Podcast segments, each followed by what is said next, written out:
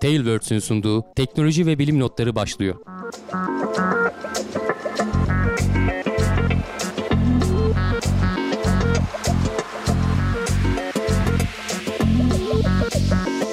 Teknoloji ve bilim notlarına verdiğimiz bir haftalık aradan sonra tekrar hoş geldiniz. Ben Can Akbulut, yanımda Hamdi Kellecioğlu ile beraber yine karşınızdayız. Hamdi abi geçen hafta Kurban Bayramı'nı idrak ettik. Evet. Ee, geçmiş bayramlarını tebrik de edelim e, bizi takip eden dostlarımızın. Ötesinde e, bilim durdurak bilmiyor. Böyle bayramlara efendime söyleyeyim resmi tatillere kulak asmıyor. Yani bizim bayramımız zaten yabancıların değil. Bazılarında da her gün bayram canım. o ayrı. Neyse efendim ben döneyim tekrar maddelerimize. Varsa tabii önce bir duyurun onu da almış olalım. Yok bir duyurum yok. Anladım. Olduğu zaman da sizlere ileteceğimiz başka mecralar var. Siz bizi muhtemelen YouTube'dan izliyorsunuz ama biz aynı zamanda TeknoSeyir web sitesiyiz. Sosyal ağlardan Instagram ve e, Twitter'ı aktif kullanıyoruz. Facebook sayfamızda mevcut. Buralardan bizi takip ederseniz olası fevkaladelikleri sizlere daha çabuk ulaştırmaya çalışırız. Olur da bir şey olursa. Ötesinde e, notlarımıza ben döneyim. Daha evvelden e, bunu çok duyurmuştuk. Zaten hmm, artık yavaş yavaş da bu bir bakanlık olarak farklı memleketlerde de gündeme girecek. Uzay hayatımızda hiç olmadığı kadar da zaten uydu e, trafiği konuşulur oldu. E, Türkiye Uzay Ajansı Başkanı ve Yönetim Kurulu üyeleri de atandı. İlerleyen yıllarda ben bunun da artık şeye dönüşeceğini hani bir Evet. e, Yani aslında bu daha hani çok büyük bir haber yok. Ee, daha önce bu uzay ajansından önce e, bir bakanlığın bünyesinde genel müdürlüktü. Onun genel müdürünü yönetim kurulu başkanı olarak atamışlar. Yönetim kurulunda da isimler belirlenmiş. bir Ekrana- yükseliş söz konusu işte onu diyorum. Değil mi? yavaş yavaş kıdem alıyorlar. Hakikaten daha da gündem malzemesi olacak bu Ama büyük aslında bayağı da gecikti yani. Hani biz kuruluşunu Tabii. duyuralı ne bileyim 6 aydan fazla zaman oldu yanlış hatırlamıyorsam. Ee, daha yeni işte yönetime atandı. İşte siteleri falan bile yok. Daha hani arayıp Türkiye Uzay Ajansı diye arayınca sadece haber siteleri çıkıyor. Doğru evet. diye. Evet. Ee, hani bir ne yapılıyor, ne ediliyor. Tamam devam eden bir şeyler vardır mutlaka ama e, şeylerin e, işte yönetim kurulundaki kişilerin geçmişlerini vesaireleri nereden geldikleri falan paylaşmışlar. E, habere girip bakabilirler. Hani ben şimdi ayrı ayrı ayrı uzun uzun anlatmayacağım. E, ama hani kalifiye insanlar oldukları görülüyor en azından kağıt üzerinde. İnşallah iyi işlere de imza atarlar diyelim. Haberlerini Evet. bekliyoruz Evet hevesle. yani e, zaten işte malzeme var. Türkiye'nin genel e, sıkıntısı hep bu diye dile getirilir ya farklı farklı mevzularda.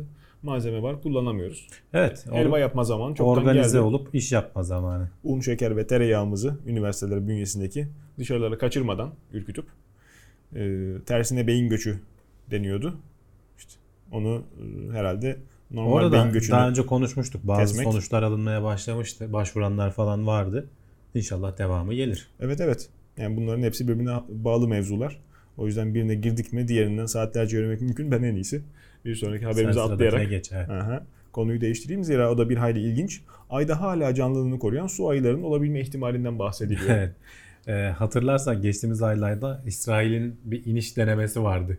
Ee, Ay'a in- in- inen ilk özel firma olacaklardı. Hı hı. İşte ülke olarak da düşünürsen dördüncü mü olacaktı? Şimdi Hindistan Galiba. galiba, dördüncü olmayı hedefliyor. Ee, ama işte başarısız olmuştu ve araç e, Bereşit uzay aracı ayın yüzeyine çakılmıştı. Ee, bu uzay aracının üzerinde bazı işte hani adettendir böyle uzayın derinliklerine gönderdiğim bir şeylere dünyadan bir şeyler koyulur işte. Tabii. NASA'da zamanında işte Voyager'e falan koymuş altın plak işte her dilden karşılama mesajları falan. Burada koydukları şeyler arasında işte insan DNA'sı vesaire falan da var ama e, şey halde bulunan uyku halinde bulunan bu su ayısı veya işte tardigrat dediğimiz daha önce bize de çok konuk olduğu çok dayanıklı hayvanlar özellikle böyle uyku moduna geçtiklerinde e, bayağı soğuğa sıcağa e, radyasyona kadar falan her şeye dayanıyorlar uzunca bir süre diğer canlılardan daha fazla en Evet. Bunların e, şeyden kurtulmuş olma ihtimali var diyorlar. E, çarpışmadan kurtulmuş olma ihtimali var. Tabii ki hani bir su bulunmadığı için ortamda e, ve işte yiyecek vesaire falan olmadığı için uyku modunda kalmaya devam edecekler. E, ama hani çok uzun yaşama şansları yok diyorlar eğer yüzeyde kaldılarsa. Tabii çarpmanın etkisiyle derinlere gömüldülerse muhtemelen e, birkaç 10 yıl, 20 yıl vesaire belki hani bizim oralara gidip onu tekrar çıkaracak kadar zaman verecek kadar yaşama ihtimalleri Evet, var. Gerçekten ilginç. Ama yüzeyde kaldılarsa e, bu sıcak soğuk dengesizliğinden dolayı e, gece bayağı soğuk oluyor. Gündüz de işte aşırı e, atmosfer olmadığı için güneş ışınlarından aşırı ısınıyor. Bunu bu, hayatta kalamaz diyorlar. Hatta bir de ultraviyole ışınlar şey de var. Sürekli radyasyonla Doğru. e, bombardıman altında olduğu için ayın yüzeyi. E, bunlardan e, birkaç gün içerisinde ölür, ölür diyorlar eğer yüzeyde kaldıysa. E, ama tabii Onlar ki bu bile. hani biraz e, ne denir uydurma fiktif bir senaryo ama e, böyle bir şey yaşanmış. Benim hemen Fiktif dikkatimi kelimesini şey çekti. sevdim. E, Türkçemize ya işte yeni girmiş gibi sanki. o an aklıma gelmedi. Yüzeyde kalmamış da biraz derinlere saplanmış. Canlılığını Ee, sürdürmüş. Benim ya- haberi okuyunca aklıma şey geldi. Ya uzay ajansları dikkat ediyorlar başka gezegenlere veya işte gök cisimlere gönderdikleri araçların steril olmasına mümkün Tabii canım. olduğunca. E, bu, burada böyle bir şey yaşandı. E, Bunun bir sonucu olmayacak mı? Kimse bunun peşine düşmeyecek mi falan. Bunu biraz araştırdım. Evet bir sonucu olmayacak. Çünkü buna yaptırım uygulayacak herhangi bir merci yok. Ee, tamam Bir- Birleşmiş Milletler bünyesinde alınmış bazı kararlar var.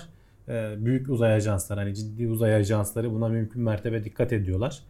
Ee, ama herhangi bir hata olduğunda da e, kim yaptırım uygulayacak öyle bir şey şu an için söz konusu değil. O dünya hukuku için bile geçerli. Yani Birleşmiş Tabii Milletler yani sözüm ona. evet yani dünyada da evet yani dünyada da yaptırım uygulayacak bir merci olmadığı için bir sürü adaletsizlikler yaşanıyor. E, ama hani burada da e, eğitimli insanlar işte e, akademik ünvanları olan insanlar sonuçta bu işlerin başında asgari Hırs. dikkati gösteriyorlardır diye düşünüyorsun ama tabii onlar da şeyi düşünmemiş herhalde. E, başarısız olma ihtimallerini düşünmemişler. E, gerçi şeyde ölmüş olabilir hani onu da söyleyeyim bu tardigratlar yaşamayıp ölmüş olabilir. Yani Sadece bayağı dayanıklı oldukları için işte yani çok çok çok düşük ihtimal olarak akıllara gelip de oraya uyum sağlayıp e, şey yaparsa ya, en azından hani şey olmayacak. e, Canlı forma dönüşemeyecekler. Sonuçta e, su ve besin maddesi gerekiyor. Hadi suyu bile bulma ihtimali var desek çok küçük de olsa ayın üzerinde. Besin bulamayacağı için her türlü ölecekler zaten orada. Canım Ama yani sonuçta hani e, Mars'a gönderilecek falan gelecekteki araçlar için falan bunlara ekstra dikkat evet, edilmesi evet işte lazım. tutar da buradan aldığı cesaretle diğer üniversite ve diğer küçük kuruluşlar e, ipe sapa gelmez işte- bakterileri, virüsleri yollarlarsa bu sefer orada İşte şimdi bak NASA da artık eskiden her şeyi kendi yapıyordu. Şimdi hep özel sektörle anlaşıyor bu işte. Öyle. Onlara ihale vererek işte roketler olsun, iniş araçları olsun vesaire falan. Burada bir standart koyulması gerekecek muhtemelen. Çünkü Canım. özel sektör buradan kar elde etmek için bir şeyler düşünecektir. NASA'nın kendisi bile zaten yaşamamış mı? Astronotlar envai çeşit ya tabii ki, ürünü tabii götürmüşler. Hayır, mesela şeyler de var. getirip satmak için NASA'nın Ay'a. bıraktığı organik şeyler de var. Mesela E, tabii. astronotların dışkıları falan ayın yüzeyinde bırakılmış ama açıkta değil yani. Sonuçta paketlenmiş halde falan duruyorlar yani onlar. Ee, en azından hani asgari bir şeylere dikkat edilmiş. Yani tabii. Günün birinde gidersek Etik geri diyorsun. toplar getiririz Evet. diye. evet. Ay kötü Pek de kokmasın. sevimli hayvanlar yani. Ya ya öyle. Küçücük Hı hı. e, milimetre boyunda. Bunları biz e, günlük hayatımızda Mike diye bildiğimiz dostlarımızdan ayırıyoruz herhalde. De yok değil herhalde yani bunlar Çok başka bir benziyorlar tür da. olması lazım. Öyle. Bunların da bir sürü çeşidi var yani. E tabii. Hakikaten mikro çok hayvan. dayanıklılar. Yani 10 yıl, 20 yıl, 30 yıl şeyde kalıp e, tekrar canlılığa dönüyor. Soğukta ve işte uyku modunda kalıp tekrar canlanabilen türleri var. Evet, evet. Konuştuğumuzu hatırlıyorum ben yani Evet. bir iki kere. Gerçekten ilginç. Tabii e, bu yabancı platformlara diyelim, yabancı e, uzay cisimlerine bir şeyler gönderirken buralara sadece kazara veya hesap hatası şeklinde e, bir takım mikroorganizmalar gitmiyor. Tabii. Bakterilerden uzay madenciliğinde istifade edilmesi, kocaman kocaman aletler, çok hassas şeyler yapılması yerine, e, makineler yapılması yerine bir fikir olarak gündeme gelmiş. E, hatta şu anda ISS üzerinde devam eden e, deneylerden birinin konusu bu. E, E, yani. Bu bakterilerin e, mineral e, leri yiyerek beslenen ve işte onlardan bir çıktı oluşturan bakterileri biz acaba e, uzaydaki madencilikte kullanabilir miyiz diye bu yerçekimsiz ortamda bunlar nasıl davranabiliyorlar? Bulundukları yüzeye yapışabiliyorlar mı? İşte o film tabakası vesaire oluşturabiliyorlar mı diye. Bunların testleri şu anda ISS'te Uluslararası Uzay İstasyonu'nda yapılıyormuş. Oradan elde edilecek sonuçlara göre belki gelecekte şimdi hep konuşuruz işte uzay madenciliği falan. Ee, belki gelecekte bu bakterileri e, bilinçli olarak bazı göktaşlarına falan bulaştıracağız yani oraya götürüp taşıyacağız. Onlar işlerini yapacaklar. Artık nasıl bir ortamda, nasıl bir şartlar altında çalışacaklar bilemiyorum açıkçası ama şu anda işte bunun deneyleri yapılıyor. En azından e, mikro kütle çekimi ortamında nasıl davranıyorlar? E, onları test ediyorlar. Eğer işte başarılı sonuçlar elde edilebilirse belki gelecekte özel firmalardan bir kısmı bunları ürün elde etmek için kullanacaklar göktaşlarından. Yani nasıl olacak? Belli mineralleri çıkarmak için. Memleketin dediğimiz küremizin üzerinden geçen yakınından e, geçen göktaşlarına bunları göndereceğiz. Bunlar istemediğimiz malzemeleri kemirecek kemirecek. Ondan sonra kendi yörüngemize çekip e, İstediğimiz malzemeleri benim anladığım hani proseste nasıl, nasıl olacağı istediğimiz malzemeleri işte o toprağa nüfuz edip alıp onları herhalde dönüştürüyorlar kendi bünyelerinde bir çeşit senin daha rahat alabileceğin hale. Onları topluyorsun Onları geri sonrasında. topluyoruz. Yine bir uzay aracıyla şey yapıyoruz yani. Onları geri alıyoruz. Evet ama nihayetinde. teorik bir şey sonuçta. Hani bayağı teorik bir şey öyle öyle. için. Yani Ama ne olduğunu da- görmek için de deneylerine başlamışlar. Tabii, tabii. Şimdilik e, birçok çalışma aslında böyle başlıyor. Saçma gibi geliyor kulağa, amaçsız gibi geliyor ama orada kazanılan adımlardan sonra, orada atılan adımlardan sonra farklı bir e, projeyle birleştirildiğinde Ya bir de bir şey var, anlam Can, kazanabiliyor. e, hani anlamsız vesaire falan diyecek pek de bir durum yok. Çok fazla akademik insan var artık. Hani Öyle. insanlık tarihinde hiç olmadığı kadar bu işlerle uğraşacak ekstra nüfusumuz var. Her şeyi deneyebilirler. Sonuçta Hı hı. herkesin kendi kariyer yolu da şey. Bazen konuşuyoruz ya bunlarla uğraşan bilim adamları da vardı. Çok bizim alakasız düşündüğümüz. mağara çok- devrinde olsa kafasına Garip odunla şey. vurup Ya o ne kaynakları yapıyorsun sen diye. ama işte onu sen o tarz bir nüfusu besleyecek, barındıracak, işte maaşını verecek Öyle. bir ekstra üretimi sağlamalısın ki oralarda birileri bunlarla uğraşsınlar. Keşke biz de mağara devrinde yaşamıyor olsak. Keşke bizde de kafamız odunla vurulmasa bu tip işlere daha çok e, Kaynak ayırabilsek. Evet, insanlar burada aç kalıyorlar maalesef. Neydi? Haberlere çıkıyorlardı. E, astronom dam aktarıyordu falan böyle. E, Pazarda sütyen ya satıyordu. öyle şey jeolog. çoktur bizde. E, yani. ne denir? Hakkı yenilen işte mucit çok. falan da vardır. O üretir ama TÜBİTAK Tabii. hiç ilgilenmez falan. Sonra bakarsın Yani. projeye Onların pek bir, de tutar tarafı yoktur genelde. onların bir yani. kısmı senin dediğin gibi de aksi gibi yurt dışında e, kaynak bulanlar da oluyor. E, tabii Burada tabii. reddedilip O da, o da oluyor dediğin doğru. Yani. Biz bunları konuşa duralım. Romanyalı mühendisler bir uçan daire yapmışlar. Ve e, baba yiğit arıyorlarmış ki kendilerine para versin. Yatırımcı olsun diye. daireyi uçuralım hep Ya beraber. bayağı çalışan prototip yapmışlar. Hani aslında Ki yeni hani bir şey de değil. e, ekrana görüntüleri girecektir. Aslında hani biraz büyük quadcopter gibi bir şey şu an yaptıkları. E, 4 tane işte elektrik motoruyla çalışıyor ama arka tarafında da itkiyi sağlayacak falan jet motorları var. Hı hı. E, normalde bu işte yerden kalkıp belli bir yüksekliğe veya hıza ulaşana kadar bu elektrik motorlarından istifade ediyor. Benim projemdi biliyor musun? Ay- ayrıca ya olabilir sonuçta bu Yani yapacaktım yapamadım. Şey, e, döviz kuru uçtu. TÜBİTAK destek vermedi diyorsun. Yok TÜBİTAK, Tam TÜBİTAK konuştuk yani. desteği değil. Direkt topyekun ayağımın alttan çektiler aldılar. Yapacaktım yapamadım. Quadcopterlerin jiroskopu e, kendi orijinalinden programlı geldiği için kalktıktan sonra e, ileri gitmesi için yön vermek gerekiyor. Hı. İtki konduğu zaman üzerine saçmalıyor. Evet. Stabil kalamıyor. Yere çakıyor diyorsun. Yere çakma. Onu aşamadım. Onun üzerinde Hı. biraz daha çalışacaktım. Şey uçtu gitti. Ya işte bunlar Ben bayağı bıraktım. e, tasarımını vesairesine falan uğraşmışlar. O rüzgar tünelleriyle falan bu güzel de bir tasarım da yapmışlar. E, ismi de ADIFO yani All Directional Flying Object. Yani her yöne uçabilen uçan nesne gibi bir şey. Adeta bir musibet. Yani ya şimdi bunun bilmiyorum ne avantajı var. Hani bu işlerden anlayan izleyicilerimiz varsa baksın ama şimdi manevra kabiliyeti yüksek oluyor belli ki. Hani aletin her yönden şeyleri Quadrocopter'in olduğu için. avantajı dikey iniş kalkış. Hem o bunun üzerinde işte ekstra şeyler de var. E, fan çıkışları falan da var hani jet etkisiyle. Quadrocopter Çok hızlı dönüş sağlayabiliyor falan diyorlar. Quadrocopter kullanımında işte esprisi üzerinde çalıştığım için aynı sistemin. Esprisi e, manevra yapmak için bükmek gerekiyor. Bükerken aynı Hmm. zamanda itkiyi arttırmak gerekiyor. Hem e, fazla enerji sarf ettiren bir senaryo. İleri giderken hem yani Hmm. durmak.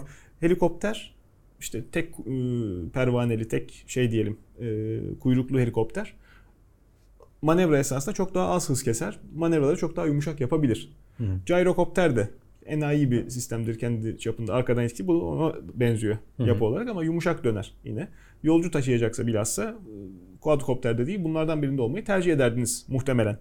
Ee, bu alette yerden havalanıp iniş ve e, düz duruş yükü pervanelere verildiği için yani dikey pervaneler onlar da zaten düşük devirde nispeten ekonomik çalışıp ağırlığı dengeledikleri için asıl itki görevi arkadaki motora vakfediliyor. Hı hı. Burada sadece düşük e, hız farkıyla aletin yönlendirilmesi sağlanmış oluyor.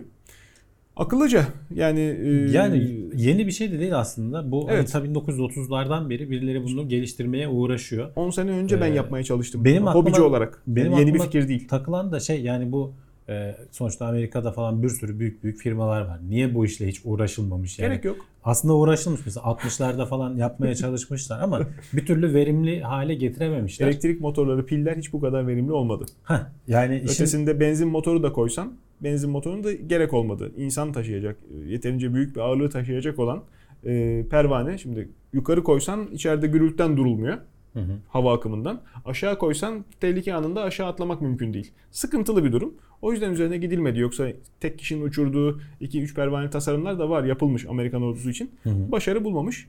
Ötesinde e, ilk defa uzaktan kumanda sistemleri bu kadar gelişkin artık dünyamızda. 1960'taki e, şeyle yani radyo kontrolcünün gecikme oranıyla jiroskopun ağırlığı Hmm. hassasiyetiyle bugünküler kıyaslanamaz. Onlardan dolayı üzerine gidilmemiş bir proje. Yani belki de evet dediğin gibi ben teknolojinin gelişmesiyle zamanı gelmiş olabilir. Yani ya da bu Romanyalı mühendisler kendilerine ekmek kapısı arıyor olabilirler. Belki de tutarlı bir şey çıkmayacak. buna en çok sonunda. benzeyen belki V22 helikopterleri. Osprey diye mi geçiyordu e, şeyler? Dikey kalkış yapıp ondan sonra e, kanatları kısa, Hı. pervaneleri büyük. Dikey kalkış yaptıktan sonra yavaştan hız alarak ileri doğru uçağa dönüşüyor. Helikopterden uzun mesafeler için çok daha ekonomik ama uçaktan bağımsız olarak dikey Hı. kalkışını iş yapabiliyor. Yüksek yük kaldırabiliyor o vaziyetteyken. Onun gibi e, hem pist gereksinimi olmadan uzun mesafelere daha ekonomik gitmesini sağlayabilirler bununla. Bak o 60'lardaki falan dediğim bu yazının içinde onun da e, videosunu koymuşlar. Avrokar'mış ismi. E, bayağı o da yani yerden yükselip bir miktar falan Hı. çalışıyor ama işte verimli hale getirememişler herhalde bir türlü. E, bu projeden vazgeçmişler. Evet. Bakalım bunu hani birileri alıp elinden tutup ya şimdi işi ilerletirler Hamdi mi? abi mevzu müşteri. Şu anda bunu kim kullanır, kime satarlar? Bütün mevzu o zaten. Aradıkları sorunun cevabı Ya, da biraz o. hedefledikleri kendilerinin söylediği şey de gene işte askeri alanda helikopterlere alternatif. Ben e, kendime onların belki boşluğunu Aha. doldurabilecek bir şey olabilir mi? ben kendime daha uzun menzilli dikey kalkışın iş yapan daha bu zaman e, şey yoktu bu DJI'ler falan dronlar piyasaya Hı. girip yaygınlaşmamıştı. E, FPV sistemi havadan gözetleme sistemi olarak tasarlamıştım. Benim senaryomda o işe yarayacaktı. Dikey kalkışın iş yapabiliyor. Uçak gibi de biraz daha uzun menzilli uçak kadar olmasa da. Hı. Şimdi bunun ötesinde insan taşıma senaryosunda uçak zaten aynı işi daha iyi yapıyor. Tek kanatlı uçak Evet. dediğin çok uzun piste ihtiyacı yok ki. 100 metre pistte rahat rahat kalkıyor şeyler. Küçük ada devletlerinde falan adalar arasında seyahat Hı hı. hala uçaklarla yapılıyor. Soğuk memleketlerde keza başka taşıtın giremediği yerlerde.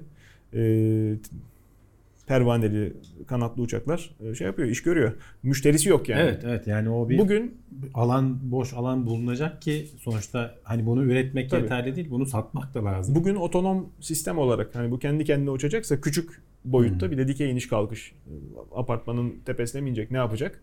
Kargo taşımacılığında alternatif olabilir dronlara. Drone'dan daha uzun menzilli, drone'dan daha ekonomik gibi. Her şeyin çıkışı işte hobi. Baktığın zaman insanların e, işte birbiriyle geçim sıkıntısı yaşamadan, birbirlerine karşı ezilme sıkıntısı yaşamadan medeniyetin gösterdiği şey de aslında bu. Gelişim aslında bu Evet. e, bir şeylere zaman ayırması. Bizim en büyük sıkıntımız garaj olma işiydi ya evlerde birçok teoriye göre. Mucitliğimiz sınırlı kalıyordu. Şimdi benim de geçmişte e, yaşadığım açmazlardan bir tane sık sık gündeme getiriliyor.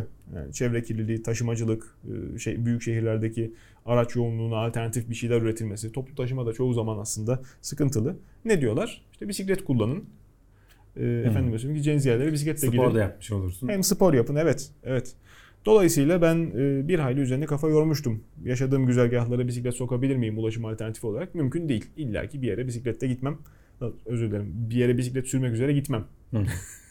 Arabanın arkasında otobüsün yanında neyse. Orada bisiklete binip sporumu yapıp eve geri dönmem gerekiyordu. Bana müthiş saçma geliyor. Ulaşım aracı Zaman ayırman vesaire falan olma gerekiyor. vasfından tabii çıktığı zaman mantık dışı hale geliyor. O yüzden Ee, işte hobilerden bir diğeri de bu. Bizim kadar şanssız değil dünya toplumları. Hı hı. Amerika'da şu anda işte küresel ısınmanın çok ciddi etkilerini görüyoruz. İdrak ettiğimiz Temmuz ayı ölçüle gelen en sıcak Temmuz olarak kayda Ama her geçmiş. sene artık öyle Bundan sonra da ilerliyoruz. Böyle devam edecek tabii. Ee, dünya haritasının çok yakın zamanda değişmesinden bahsediliyor falan. Bu gibi e, tehditler savrulduğu zaman insanlar da e, bir takım fikirleri hobiden ziyade artık daha e, coşkuyla karşılar olmuşlar. Bisiklete rağbet son yıllarda arttı. Hı hı. Artmaya da devam ediyor. İşte bu elektrikli pedal takviyeli bisikletler falan. Biz de Teknoseyir'e konuk etmiştik daha evvel e, farklı alternatiflerini. Şimdi tabii sadece e, ne bileyim şehir içi ulaşım gibi bakmamak lazım. Bisiklet aynı zamanda ciddi bir spor. Hı hı. Ve gönül verenler de farklı yerleri bisikletle keşfetmeyi seviyorlar. Amerikan tabi adamları her şeyi e, pazarlayıp satma üzerine kafa yordukları için Amerikan e, bisiklet severleri müjde bir e, sahilinden diğer sahiline artık bisikletle gidebilecekleri parkur hazırlanıyor. Yarı yarıya da tamamlanmış vaziyetteymiş. Son bir aldığımız uçtan habere bir uca yani kıta, kıtayı geçecekler. kıtayı bir baştan bir başa gelecekler. Maşallah, Üstelik bayağı çölden değil. O, o da iyi evet. işin sürprizi olsun. Daha kuzeyden gidiyor diyorsun yani. İki Washington birbirine bağlanıyormuş. Eyalet olanla işte başkent olan. Ee, Kaliforniya'nın kuzey mi diyelim ne diyelim işte şeyin, Hawaii'nin oradan kaptıracaksın. Dağların e, eteklerinden, manzaralı yollardan, Ormanlardan geçe geçe. nehirlerden ha. E, Ayı Yogi'ye selam çakıp Yani ne kadar hani uzunluğu 5000 kilometreden falan fazladır herhalde çünkü. yani bir 3000 uçtan- mil derim ben 5000 kilometre demem de Tabii Amerikansan öyle dersin yani. haliyle ayıp olur çünkü. Biz Türkiye'de kilometre diyoruz yani can.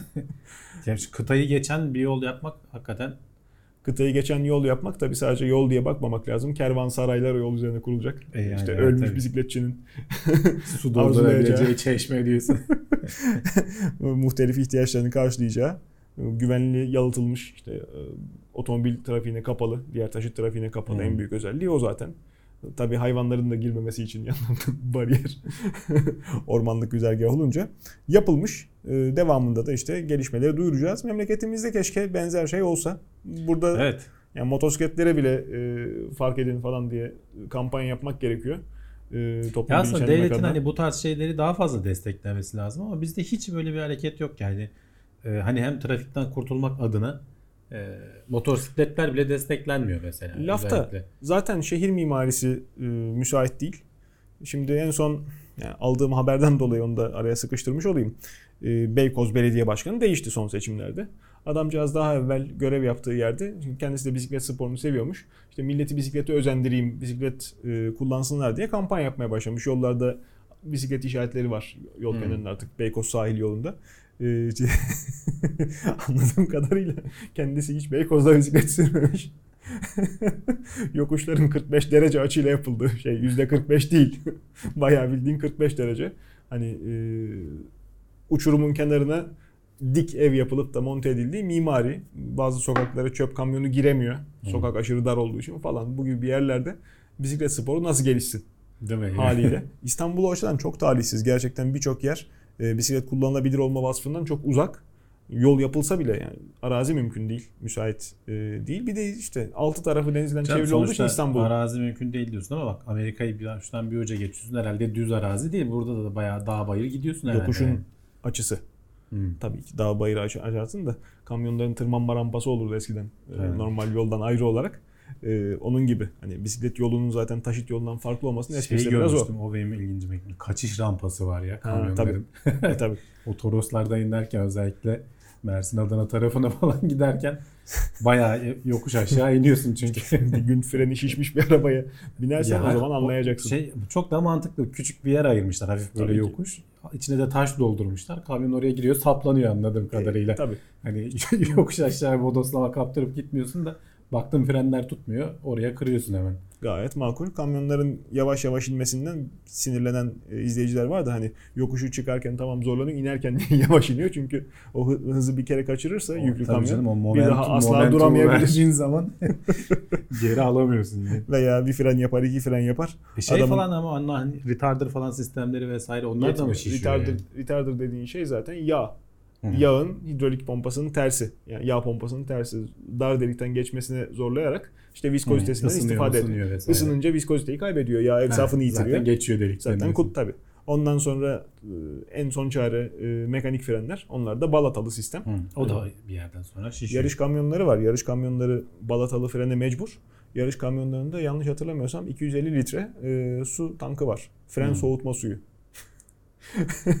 5 tonluk lazım, lazım diyorsun 5 yani. tonluk kamyonu o da. E, daha şey değil kendisine. E, fren Yani soğutma yük- suyu yük bittiği anda yani arkasında, Tabii, değil mi? tabii. Yüklü kütle muazzam. Onu durdurmak yani bir kere fren yapabiliyor. Durdursa bile adamın zaten o işten Zaten alacağı şeyden para Düşünürsen hani trenler falan da duramaz ya bir türlü yani. Tabii. Ani fren diye bir şey tren yok. şanslı zaten. Önüne çıkan düşünsün. evet. E, Bayağı dağıldık konulardan can. ama olsun biz yine toplamayı da biliriz. Uçan daireden geldiğimiz yer kam yük kamyonları nasıl olduysa. Kaçış rampası oldu. evet. Geldin bizi taşa derken- sapladın diyorsun. Bir sonraki habere geçmek pek içimden gelmiyor. Zira e, dünyanın farklı yerlerinde yaşanan sağlık sıkıntılarını bir kere daha bize hatırlatan bir mevzu. Keşke hep böyle havadan sudan lay lay şeyler konuşsak. FDA ölüm, öldürücü, ölümcül bir verem türüne karşı yeni aşıyı onaylamış. Yeni bir ilacı onaylamış. Evet. e, Ee, yani, yani- verem e, bayağı aslında hani geçmişe göre geriletilmiş olmasına rağmen yeni yeni böyle tekrar baş kaldırmaya çalışan şeylerden biri. E, öyle. E, ölümcül hastalıklardan biri. Dünyada savaş nedeniyle çok memleketin e, iklimi diyelim değişti. İklim de değil canım. Yani Yok canım, ülke iklimi, şey insanların- falan. e, yaşayışı, haleti ruhiyesi, işte göçe zorlananlar var. E, sosyal statüsü çok değişenler var. O Tabii yüzden canım, yani yapı bozulduğu sağlık zaman hizmeti zaten, alamıyorlar. O e, nedenle zaten dünya bazı çapında da hastalıklar hani hortluyor. istatistiklere göre 1.6 milyon kişi her yıl e, veremden dolayı ki bunlar bir de antibiyotiğe dirençli olan türlerinden Evet. kaynaklanıyor ve bunlara karşı antibiyotik geliştiren firmalarda gittikçe azalmış durumda. Bunu konuşmuştuk hatırlarsan. Çünkü karlı bir iş değil. İşte bu büyük ilaç firmaları e, kar edebilmek için yatırımcılarını mutlu edebilmek için daha çok böyle işte kanser vesaire falan başka alanlara kayıyorlar. Oralara paraları harcıyorlar ki onların geri dönüşü daha yüksek oluyor. Antibiyotikler artık hani hızlı bulunan çeşitleri azaldı. E, işte toprağa moprağa karıştırıp bulmaya çalışan Evet. bilim insanları var hala ama e, veya işte suni bir şekilde sentezleyebilir miyiz diye uğraşanlar var ama işte bunlara ay- kaynak ayırmak istemiyor özel firmalar. Dolayısıyla bu tarz böyle işte öldürücü olan veremlerin falan tedavisinde kullanılan antibiyotikler gitgide azalmış durumda elimizde kullanabileceğimiz. Çünkü direnç geliştiriyor işte bakteride. Ee, yeni bir tür 40 yıl son 40 yılda 3. onaylanan antibiyotik deniyor. Bak 40 yıl içerisinde 3. tür onaylanmış. Yazık. Ee, ve buradaki asıl ilginç olan şey e, tüberküloz birliği diye TB Alliance İngilizcesi. Birinin Tam manasıyla aynısı. Evet, e, e, şey kar amacı gütmeyen bir kurum bu. Bunun geliştirdiği bir antibiyotik ve bu belki diğer ilaç gruplarına da e, örnek olabilir. Bu tarz çalışma şekli örnek olabilir diyorlar. Çünkü devletlerin bu alanı stratejik olarak görüp e, tamam hani özel sektör yapmak istemiyorsa zorlayamazsın, zorla yaptıramazsın. Anca belki hani şey uygularsın. E, vergi Teşvik. avantajı vesaire teşvikler falan uygularsın. E, ya da böyle işte kar amacı gütmeyen bir kuruma kaynak ayıracaksın, uğraşacaklar ve e, böyle bir ilaç bulacaklar. İnsanların hani çok e, bazen bazen ihtiyaç olan ama her zaman da olmayan, dolayısıyla karı iyi o kadar iyi olmayan ilaçların sonuçta devletler tarafından sağlanması gerekiyor. Bu bütün süreçlerden geçip de işte Amerika'nın FDA'inden onay alması da önemli bir e, Yani devamının gelmesi dileğiyle. Diğer ülkelerde de zamanla gelişecektir. Yani bu bir yöntem olabilir deniyor. Eh. Buna da karşı çıkanlar da var tabii. Hani bu tarz böyle kar amacı gütmeyen kurumların bu işlerin peşinde uğraşması verimli değil. Ee, özel sektörü teşvik edici şeyler bulmak daha Hmm. mantıklı diyen bu işin ekonomisiyle uğraşanlar da var. O da Ee, yanlış iki- değil tabii ki. İki görüş şu anda şey yapıyor, çarpışıyor diyelim. Kim kazanırsa kazansın sonuçta insanlık kazanacak diyorsun. Evet, evet yani ilaçları bulabilirsek veya belki Evet. antibiyotik dışında farklı tedavi yöntemleri. Az önce söyledin. Ee, tıp bir anlamda bir hayli e, karlı da olabiliyor yatırımcılar için. O yüzden tıbbi gelişmelerde de hep yön o taraflara doğru kanalize ediliyor. Şimdi Japon araştırmacılar farelerde cinsiyet seçimi için çok ucuz ve kolay bir yöntem geliştirmiş. Haberimiz bu ama Evet. sen buradan e, anla ki İnsanlığa bağlayacağız diyorsun. ha konuyu. yani e, oğlum mu olsun kızım mı olsun Evet. düşünen Zaten insanlara. şu anda yapılabilen yöntemler var ama bunlar nispeten pahalı yöntemler. Ee, hani kısaca şey anlatmak gerekirse e, kadının yumurtasından gelen iki tane X, X ile e, erkeğin sperminden gelen XX veya XY birleşiyor. Hı hı. E, iki tane XX olursa kız oluyorsun. XY olursa erkek oluyor. Yani cinsiyeti belirleyen genelde genelde değil hep spermler oluyor. Çünkü yumurta zaten XX hep ge- geliyor oradan. Bizim e, şu ana kadar kullandığımız tekniklerle de bu spermlerin dıştan görünüşü şekli de şeyi ayrıştırmıyor. Hani içinde X, X mi taşıyor, X, Y mi bir taşıyor? teoriye göre Gerçi X'in onlar sadece X ve Y şeklinde galiba. Yarısını taşıyorlar zaten. bir teoriye göre X'in bir bacağı daha uzun olduğu için kromozom birazcık daha ağır. Dolayısıyla X Y'de Ha, daha işte hızlı yüzüyor falan gibi. geçirme teknikleri kullanılıyor veya şey bazı boya çeşitlerine e, kromozomu boyayan boya atıyorlar. X daha büyük olduğu için daha parlak parlıyor da işte şey olanları Hmm. daha sönük olanları ayırıyorlar. Tek tek düşün yani spermleri ayırıyorsun tek tek. Evet. Bunlar yani çok maliyetli ve uğraştırıcı yöntemler. E, veya şey hayatta yöntem daha var. kötü işler de var. Ee, şey yöntemleri de var.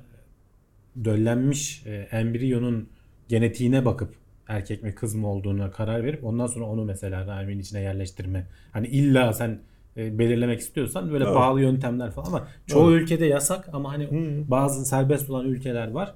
Ama işte şey de bu bu, bu işlemlerden geçirilmesi de e, sperme veya işte yumurtaya zarar verdiği için e, işte doğumda falan sıkıntılar çıkabileceği de söylenen şeyler arasında. Yani düşük riski en büyüğü. Şimdi bu haberde işte bunları çok çok daha kolaylaştıran bir yöntem keşfetmişler Japon araştırmacılar. Şeye bakıyorlar bu e, spermle yumurtanın e, içindeki genetik şeyleri farklı işleme me- mekanizmalarına bakıyorlar ve e, 18 tane gende e, spermin dış yüzeyindeki moleküllerin yapısını etkileyen şey keşfediyorlar. Dolayısıyla X ve Y'yi birbirinden ayırmanın yöntemini buluyorlar. Bir çeşit malzeme kullanıyorlar. Ee, bunu verdiğin zaman spermlerin X taşıyanlar bu malzeme sadece X taşıyan spermlere bağlanabiliyor ve onları yavaşlatıyor. Canına. Dolayısıyla şeyler hızlanıyor. %100 sonuç vermiyor ama mesela e, erkek çocuk istiyorsan %90'ların üzerinde, e, kız çocuk istiyorsan da %80'lerin üzerinde galiba.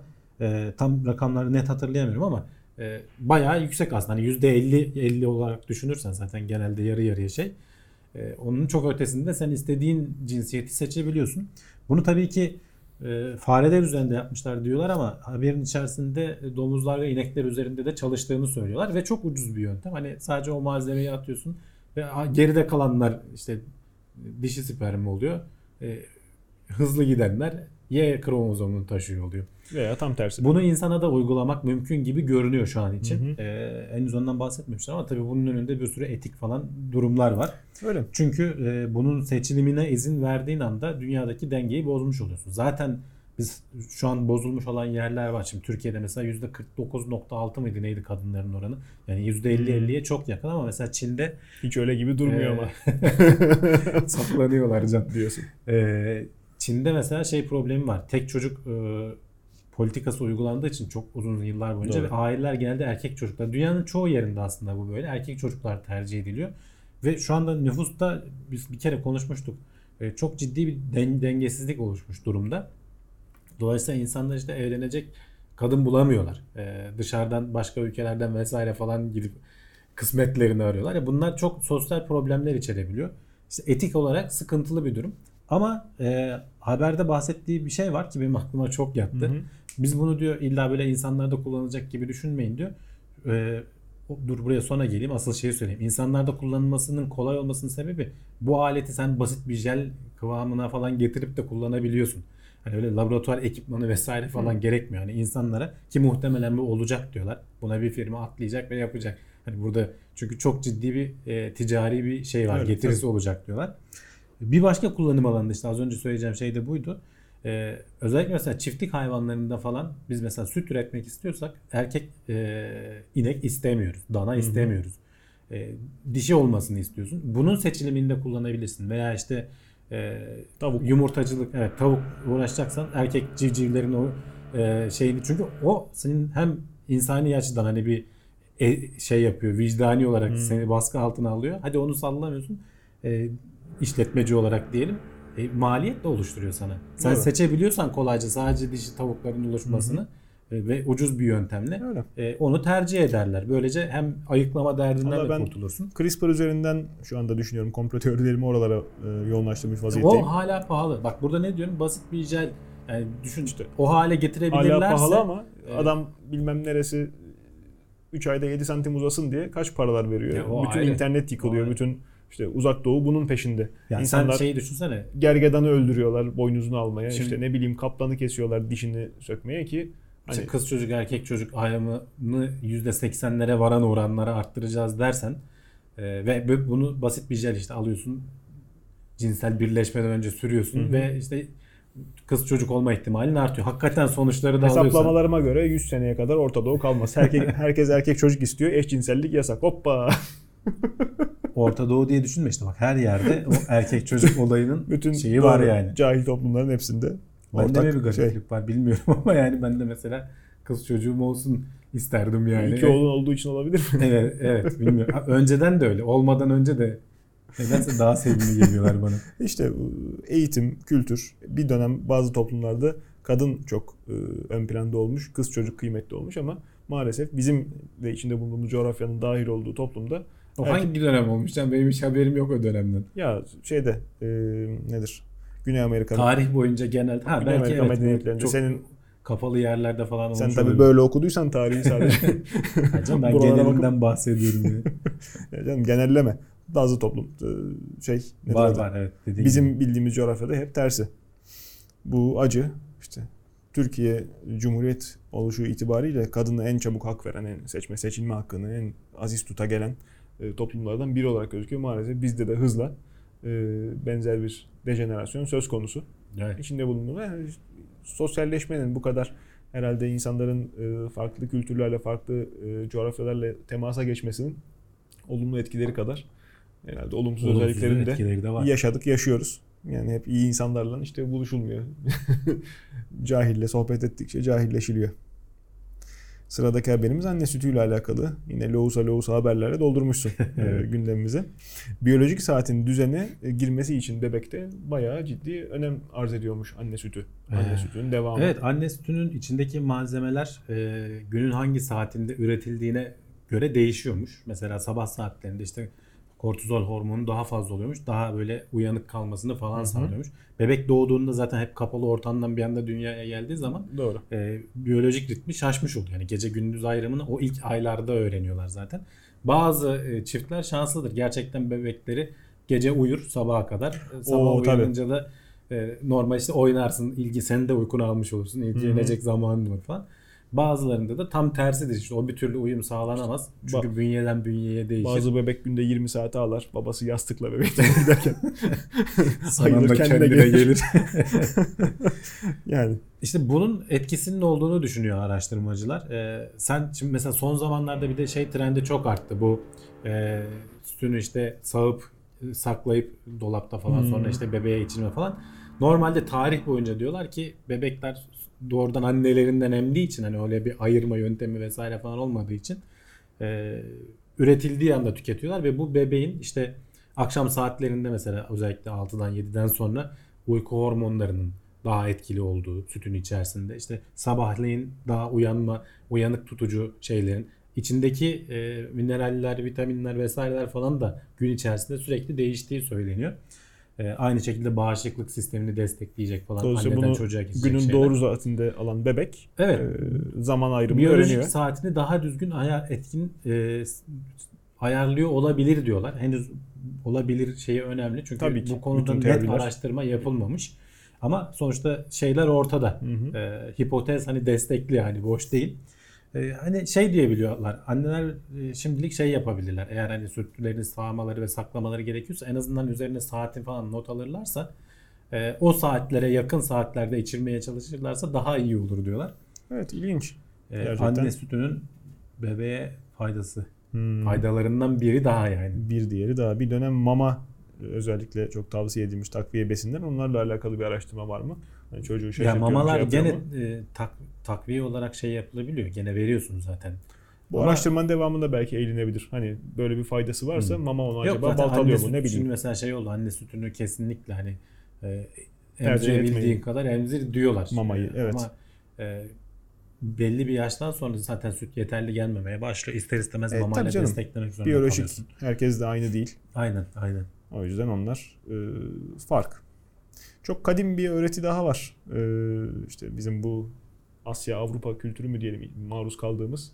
Ee, muhtemelen de zaten dönem dönem çok konuşan bazı e, geçmişteki e, atalarımızın e, içinde bulundukları durumu e, daha da pekiştirmek için sığındıkları kadınlar işte şeyden itibaren eski devirlerden itibaren hep e, yakın çevredeki işte küçük işleri yapar, çocuğu emzirir şey yapar. O yüzden çoklu becerilerde daha iyilerdir. Erkekler daha böyle uzun menzilli, daha e, çalışmaya, Odaklanmayı tek- gerektiren şeylerde.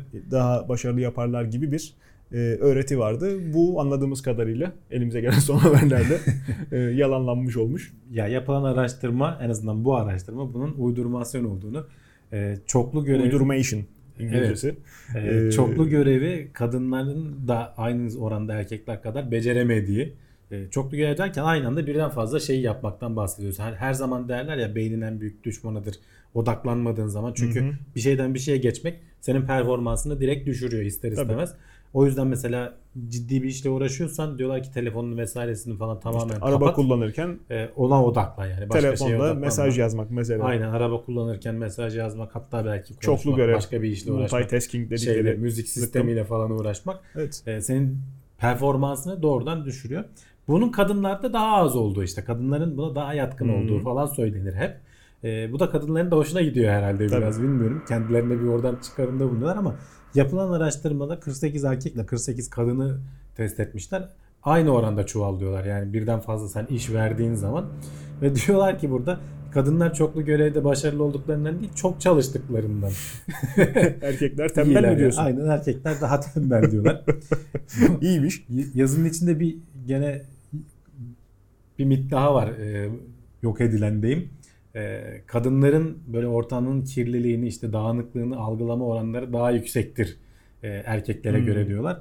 Ee, buna da bakmışlar hani şey olarak e, herhalde dağınık resimler yönünde göstermişler ve o notlamalarını istemişler sizce ne kadar dağınık diye.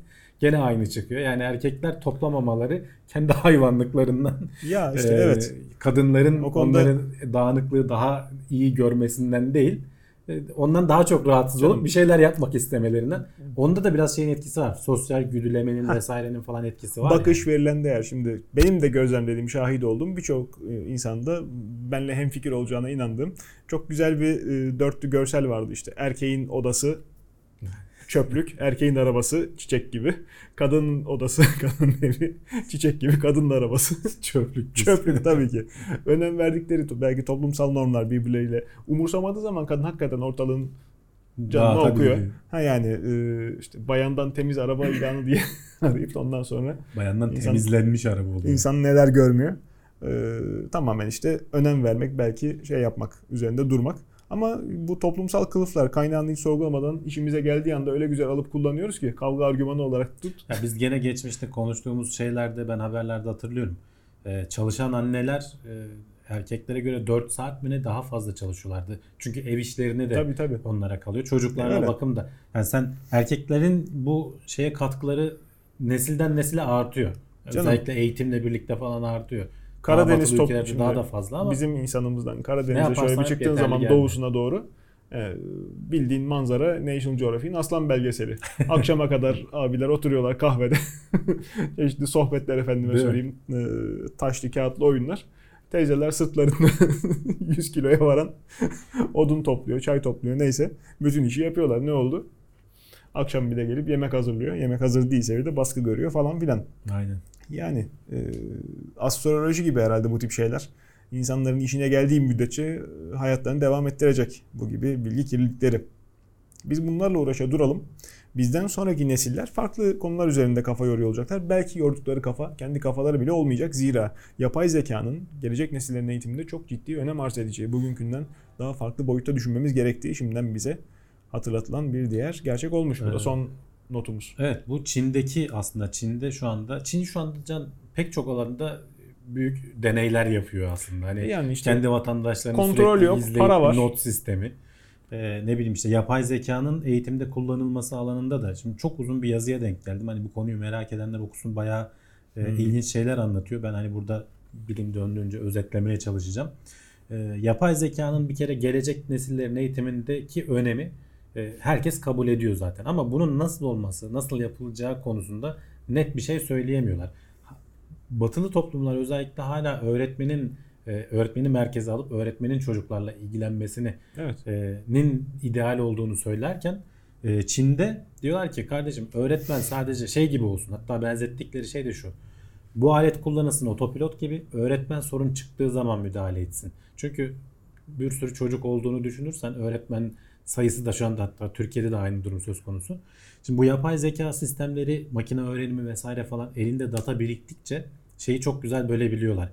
Senin mesela şimdi öğretmenlerin hani iyi yaptığı şeylerden, iyi öğretmeni kötü öğretmenden ayıran şeylerden biri bir çocuğun kapasitesini anlayıp veya bilgi seviyesini anlayıp ona göre öğretmesi, anlatması. Evet. Ama sen işte 30 çocuğa birden eğitim veriyorsan e, ister istemez Arada bir sınıfın birileri anlamaz, dengelemen gerekir. Sıkılır. Şimdi bu sistemlerde tek bir çocuk tek bir bilgisayarın başında oturuyor ve e, mesela ortaokul e, matematiğini diyorlar ki 10 bin parçaya böldük biz. Sana önce sistem senin ne kadar bildiğini test ediyor. Bir iki soru soruyor. Eğer doğru bilirsen hemen atlatıyor seni birkaç şey. Eğer orada sıkışırsan birkaç geri alıyor falan. Anlamadığın konseptleri, mantıkları falan anlatıp nasıl anlayacağım. Bir de artık görsellik falan çok güzel animasyonlarda vesairelerle falan çok güzel Evet. anlatabiliyor. Sana böyle nokta atışı öğrenmen gereken şeyleri bu ya- yapay zeka sistemleri çok güzel öğretiyor diyorlar. Hatta verilen örneklerde falan da işte okulda başarısız olanlar gerçi bu örnekler hani özel seçilmiş olabilir. Genel istatistiğe bakmak lazım ama bu yazıda söylenen de o, o şekilde. Ee, bazı çocukların normalde ma- matematikten başarısızken e, matematik notunu böyle 40'lar seviyesinden 80'lere falan çıkardığı söyleniyor. Burada bazı şeylerden bahsedilmiş. Özel e, firmalardan bahsedilmiş. Hmm. Bu alana giriş yapmışlar. Yani benim aklıma yatıyor açıkçası bu yapay zekadan özellikle yararlanmak. İşte Ee, eğitim ama öğretmenin e, fonksiyonu kaybolmadan buradaki sistemde de zaten e, çocuklar mesela şeylere bakıyorlar, laptoplara bakıyorlar. işte çalışıyor vesaire falan. Takıldığı yerde hatta e, öğretmen falan şey yapıyor. Onların ekranda neyi takip ettiğini kendi ekranında görebiliyor. eğitim Nerelerde şey yaptığını falan. skor odaklı olursa tabii ki çok başarılı, çok güzel. Öğretmenden sadece e, yani şöyle söyleyeyim. Matematik sınavında, matematik testinde yüksek puan almak üzere e, eğitim yapılıyorsa bu gayet başarılı, gayet kullanılabilir veya işte ne bileyim ezber de söz konusuysa veya zaten bunların hepsinde ezber diyebiliriz. Herhalde ayıp olmaz. Yani Ee, konuyu ama kadar. anlaman da lazım. Yani sadece ezberleyip Öğretmeni şey model alırsın. Öğretmenden matematik dersi anlatıyorken tarzından, üslubundan bir şeyler öğrenirsin. Hmm. Veya işte kimya öğretmeni bir şeyden anlatıyorken araya bir hikaye sıkıştırır, hayat dersi verir. Bunları kaybediyoruz. Sıkıntı burada. Evet. Öğretmenin varlığı sadece orada işte öğrenci göz göre göre kopya çekmesin veya bilgisayara işte USB takıp neydi belirsiz. Bunu engellemek üzere orada memurluk yapacaksa eğitim sistemini burada baştan sorgulamak, ölçme değerlendirme yöntemimizi burada baştan sorgulamak bence biraz daha iyi olabilir. Bu verdiğin örnek şimdi birdenbire 40 puan mı arttırmıştı? Hmm. Öyle bir şey dedin. Aha. Ee, işte Bunlar tabii şey bana şunu hatırlattı. Bir zamanlar e, dershaneler varken işte sınıfın birinde e, arkadaş şey görüyor. E, çocukların çok başarısız olduğunu görüyor. Sürekli eksi bilmem ne yapıyorlar. Arkadaşlar diyor biyoloji bölümü geldiği zaman hiç ellemiyoruz. Hı. Boş bırakıyoruz. Çocukların hepsi birden bütün sınıf biyolojiden e, eksi 3 netten eksi 4 netten sıfıra çıkmış oluyorlar. Al sana müthiş başarı. Avantajı. Yani bunun gibi e, Canım o çok uç örnek yani. O- uç örnek de Bunu- hani Hani bu Test- işlerden anlayan kimse zaten başarı olarak kabul etmez. yani. test manipülasyona çok açık. Testi geçmeye yönelik verilen eğitim de gerçek hayatta çuvallayan eğitim oldu. Hı, Zaten tabii, tabii. sıkça ben söylemiyorum. Yaşayan herkes söylüyor. Uzmanları için söylüyorlar. Bunun değiştirmesi belki lazım. Yapay zekadan burada istifade edersek veya farklı mecrada istifade edip şeyde öğretmen desteklersek iyi başka olabilir. istifade etme yöntemleri de var. Ee, şimdi sadece e, bilgisayarda işte eğitim alma gibi düşünme. Öğretmen mesela şey sistemleri de var. Başka firmalar da ona uğraşıyorlar. Sınıfta kameraları koymuşlar.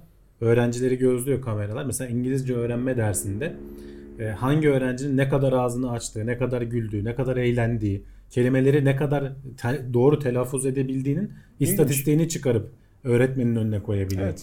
Burada da tabii başka şeyler giriyor işin içine. Yani İşte bu kadar istatistiklerin izlemeli mahremiyeti miyiz? ne kadar korunabilecek? Ee, İlerleyen yıllarda bu datanın nasıl Aynen, işte kullanılacağı, bunlar kim çözülmesi gereken edecek? sorunlar olarak ortada duruyor. Bir başka çözülmesi gereken e, e, şeylerden biri o da benim aklıma yattı. E, diyorlar ki gelecekte hani öğrettiğin şeyler şimdi yapay zeka geliştikçe bu monoton standart şeyleri çok daha iyi yapacak bizden. Dolayısıyla bizim şimdi çocuklarımıza öğreteceğimiz şey sorun çözme, bir şeyleri öğrenebilme yeteneği. Doğrudan bir işte konsepti vesaireyi Hı hı. öğretmek yerine tamam hani işe gireceği zaman onları vesaire öğreteceksin ama asıl öğretilmesi gereken bir şeyi öğrenme, farklı yollar deneme ve yaratıcılığını arttırma şeyleri diyorlar. Yeni dünya toplumlarının artık e, işçi üretmemesi gerektiğini sık sık söylüyoruz. Söylüyorlar. Hatırlatıyoruz biz. E, uzmanları söylüyorlar. Çünkü robotlar ve yapay zeka bu alanı çok iyi bir Senden şekilde daha iyi. yani. Robotun uyumaya ihtiyacı yok. Robotun sağlık sigortasına ihtiyacı yok. Yağını, elektriğini ver. orada vidaları sıksın senin yerine senden çok daha ciddiyetli. Dolayısıyla e, insanların eğitimi evet baya baya ciddi önem arz ediyor fakat bunu sanırım doğru yapmayı henüz hiçbirimiz bilmiyoruz. Dünya Yani biraz bu tabii biraz öyle bu bir e, sıkıntı. Çünkü hani kolay deneyebileceğin bir alan değil. Nesillerin geçmesi gerekiyor. İşin kötüsü de senin bozduğun eğitim sisteminden yetişen adam ileride durumu devam ettirecek olan şey kişi. değil. Bu batılı toplumlar da bunu denemişler 80'li yıllarda falan. Bu yazıda geçiyordu. Hı hı. Ama o zaman işte bu yapay zeka sistemleri, bu derin öğrenme sistemleri falan bu kadar gelişkin değildi. E, evet. Bilgisayarların ilk çıktığı zamanları düşün. Ama işte Yaygınlaşmaya başladığı zamanlar hep böyle bilgisayarlı eğitim falan Şu bir- vardı.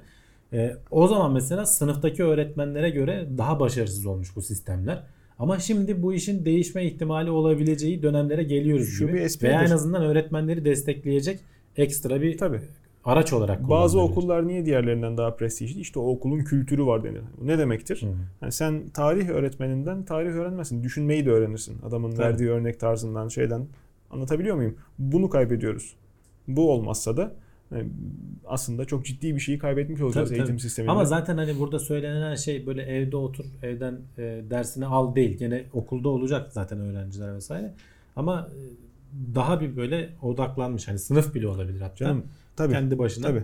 Ya bu noktada işte e, sorgulanması gereken şey aslında ölçme değerlendirme. Kime göre neye göre öğrenci daha başarılı? Neyi öğretiyoruz? Evet. Neyi öğretirken neyi aslında göstermiyoruz. Neyi öğrettiğimizi zannederken. Onun üzerinde ciddi kafa yorulması lazım. Ama ya tabii sen hatta olmuyor. yani şeyi söyleyeyim. Sen öğrenmeyi biliyorsan aslında şu anda zaten internette her şeyin kaynağı Canım, var. Aklına tabii gelebilecek tabii. her şeyi öğrenebilirsin. Yani. tabii tabii. Geçen gün gazete, Önemli olan o aslında. gazetenin biri manşet atmıştı. İşte internette günde 3,5 saat harcıyoruz diye. 3,5 saat vakit öldürüyoruz mu? Öyle bir ifade Hmm. kullanmıştı. E, internet harcanan, vakit harcanan şey değil. İşte vakit hala- öldürüyorsan tam Tabii. anlamıyla. Ha Yani yazıyı yazan belli ki vakit öldürüyor. Ee, Ama teknoloji ve bilim notlarını dinliyorsan değil mi? öyle öyle öyle. O zaman vay hali. Neyse efendim daha fazla vaktinizi almayalım. Bu haftaki notlarımız bununla bitmiş oldu. Ee, ilerleyen dönemde de fevkaladelik olmazsa e, yine sizlerin karşısında olmaya çalışacağız. Ee, bizi takip etmeyi unutmayın. Ee, sosyal mecralardan da duyuru olursa fevkaladelik olursa yapacağız. Hamdi abi e, artık yeni bir tempoda e, Evet. bizimle beraber. E, yine biz notumuzu çekmeyi başardık ama e, olur da e, olmazsa ben mi tek başıma çıkarım, Skype'la mı bağlanırız, Bir, şey, atlar bir mıyız? çözüm buluruz ya. Bir şekilde çözüm buluruz. Farklı Onu da- bir formata da geçeriz belki hiç belli olmaz. Ama da- şimdilik normal devam edeceğiz yani. E, yani Bir vaziyete göre planlanmış bir şey yok. vaziyete göre size duyuracağız. O yüzden teyakkuzda olun efendim. İyi seyirler. Esen kalın.